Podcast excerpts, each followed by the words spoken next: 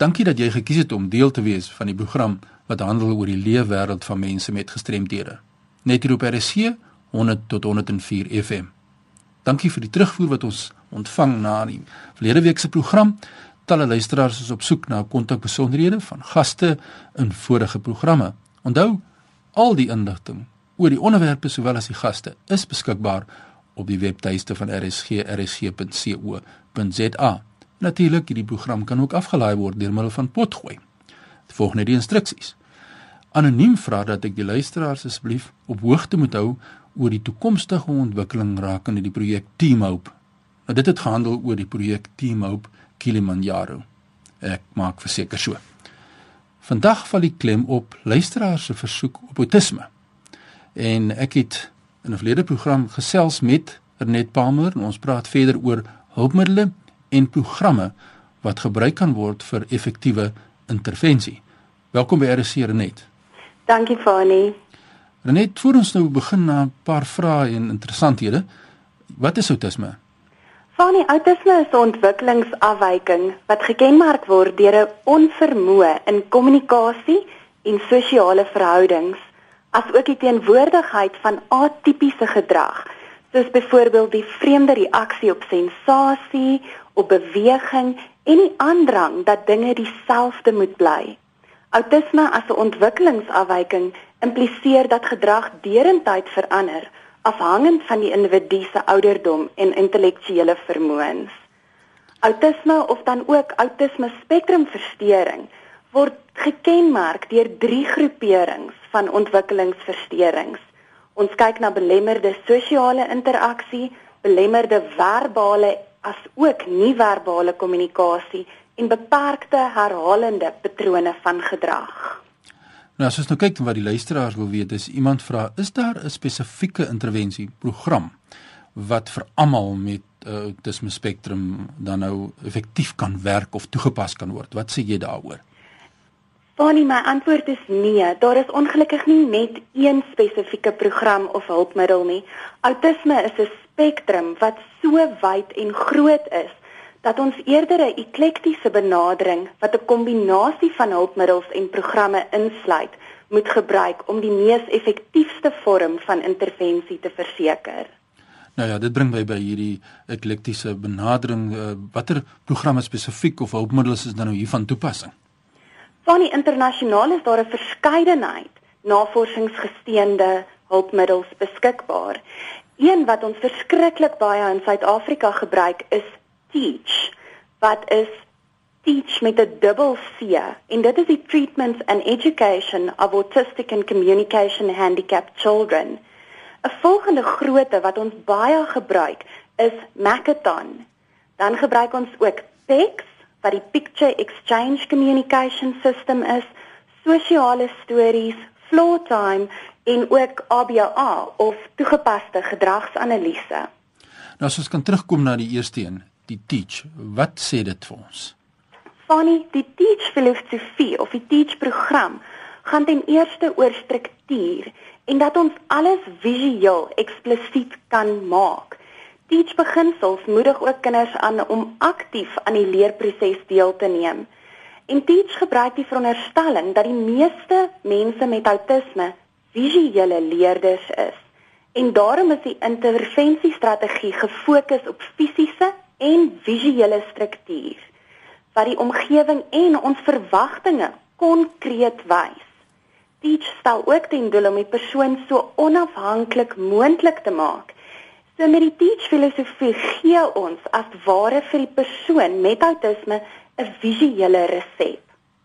Teach leer ook kinders vanaf 'n baie jong ouderdom om van bo na onder of van links na regs te werk en in teach is daar altyd 'n begin en 'n einde. Ek is 'n baie groot voorstander van teach omdat dit werklik 'n beduidende verskil kan maak en omdat ons dit enige plek, enige tyd toe kan pas. Teach is nie iets wat 'n mens kan kan vasvat nie. Teach is eerder 'n ingesteldheid tot intervensie. Dis er net Pamel wat so lekker met ons gesels en ons onderwerp is outisme. Luisteraars wil meer weet oor hulpmiddels en programme wat gebruik word en dis meer. Nou net ek het ook 'n vraag van jou oor jy het verwys na Makaton en PEX, maar hoekom word dit nou gebruik? Makaton en PEX is albei voorbeelde van AAK. En AAK staan vir aanvullende en alternatiewe kommunikasie. 'n Groot hoeveelheid mense met outisme kan vir een of ander rede nie verbaal kommunikeer nie. En dikwels, dikwels het ons dus 'n aanvullende of 'n alternatiewe kommunikasie metode nodig. Daar is verskriklik baie AAK metodes, maar in Suid-Afrika gebruik ons hoofsaaklik twee programme, Makaton en of PEX. Makaton is 'n totale kommunikasieprogram wat simbole en gebare gebruik. Makaton word altyd saam met gesproke taal gebruik en ons teken as ware prentjies met ons hande wanneer ons Makaton gebruik. Ons weet persone met outisme kan hoor, maar vanweë verskeidenheid redes kan hulle nie noodwendig dit wat hulle hoor prosesseer nie. En daarom word hierdie Makaton gebare gebruik. Makaton Suid-Afrika het fantastiese eg Suid-Afrikaanse leermateriaal wat ouers, onderwysers en terapeute kan gebruik om taal en geletterdheid te bevorder. PEX, soos ek vroeër gesê het, die Picture Exchange Communication System, maak gebruik van prentjies eerder as woorde vir kommunikasie. Persone ruil dus prentjies uit om 'n boodskap oor te dra. Um gesproke taal is nie konkreet nie en hierdie uitruiling van prentjies is dus 'n konkrete manier om effektief te kan kommunikeer. Ek hou van hierdie sosiale stories waarna jy verwys het. Wat beteken dit? Sosiale stories is ontwikkel deur Carol Gray en dit is 'n storie wat volgens 'n spesifieke resep geskryf word om 'n ongeskrewe sosiale reël of situasie te verduidelik en insig te gee oor hoe ander mense dink en dinge ervaar. Hierdie stories word in die eerste persoon geskryf vir 'n spesifieke persoon en eerder as om vir daardie persoon voor te skryf hoe hulle moet optree in 'n spesifieke situasie, skep hierdie sosiale storie 'n geleentheid waar die persoon perspektief kry om 'n spesifieke interaksie te verstaan. Ja, nee, ons tyd is altyd 'n faktor in hierdie program. So ons het uh, nog so 'n paar minute, maar ek wil graag net kortliks dan hoor wat is floor time en dan die toegepaste gedragsanalise. Van die flow time behels dat ons inskakel by 'n aktiwiteit wat die kind geniet. So dikwels wil ons as ouers, onderwysers, terapeute 'n kind dwing om te doen wat ons wil hê hulle moet doen. En die basiese beginsel van flow time is dus dat ons begin om 'n verhouding te bou deur betrokke te raak by dit waarby die kind reeds betrokke is. ABA of toegepaste gedragsanalise werk volgens 'n spesifieke individuele program wat vir die kind uitgewerk word. Die kind werk 1 tot 1 saam met 'n tutor om die uitkomste van die program te bereik. Gedragsanalise word gebruik om gedrag te verander as deel van die leerproses. ABA werk baie goed vir veral jong kinders, maar dit is nogal duur omdat dit 1 tot 1 geskied. Iets persoonlik van my kant af waar het hierdie intense belangstelling in hierdie onderwerp by jou begin?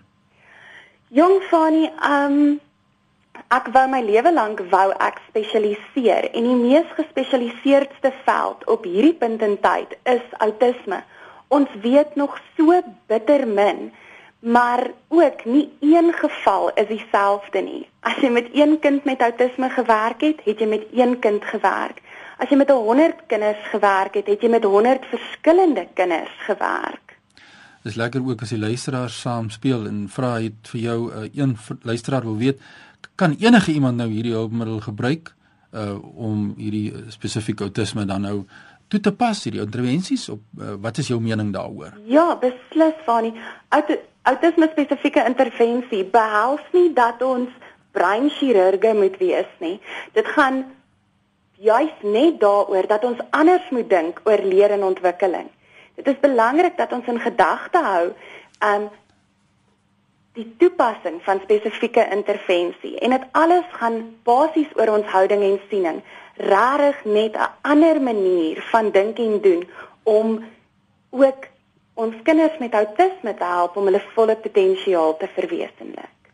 iets wat nou net by my opkom, werk dit net vir autisme spektrum of is daar iets anders wat dit uh, van dit kan wees hierdie tegnieke? Annie, al hierdie begin, al hierdie programme en hulpmiddels waaroor ek gesels het, werk wonderlik vir enige kind. Ehm um, dit is ongelooflik om te sien selfs hoe neurotipiese kinders ehm um, die teach beginsels geniet. Hoe jong babietjies leer kommunikeer deur Makaton gebare. Ehm um, hoe sosiale stories vir 'n 2 en 'n half jarige wat 'n uh, wat 'n temper tantrum gooi, 'n bietjie perspektief kan gee. Ja. Net 'n ander manier van dink en doen. Ja, dis wonderlik om al hierdie inligting te deel. Ek dink die luisteraars geniet dit ook net soos ons hier. Wil jy vir ons die kontak besonderhede deurgee waar mense met julle kan skakel of met wie hulle in verbinding kan tree wat nou meer wil weet oor hierdie en soos ek gesê het aan die begin van die program hulpmiddels en dan ook die spesifieke programme wat jy met ons gedeel het.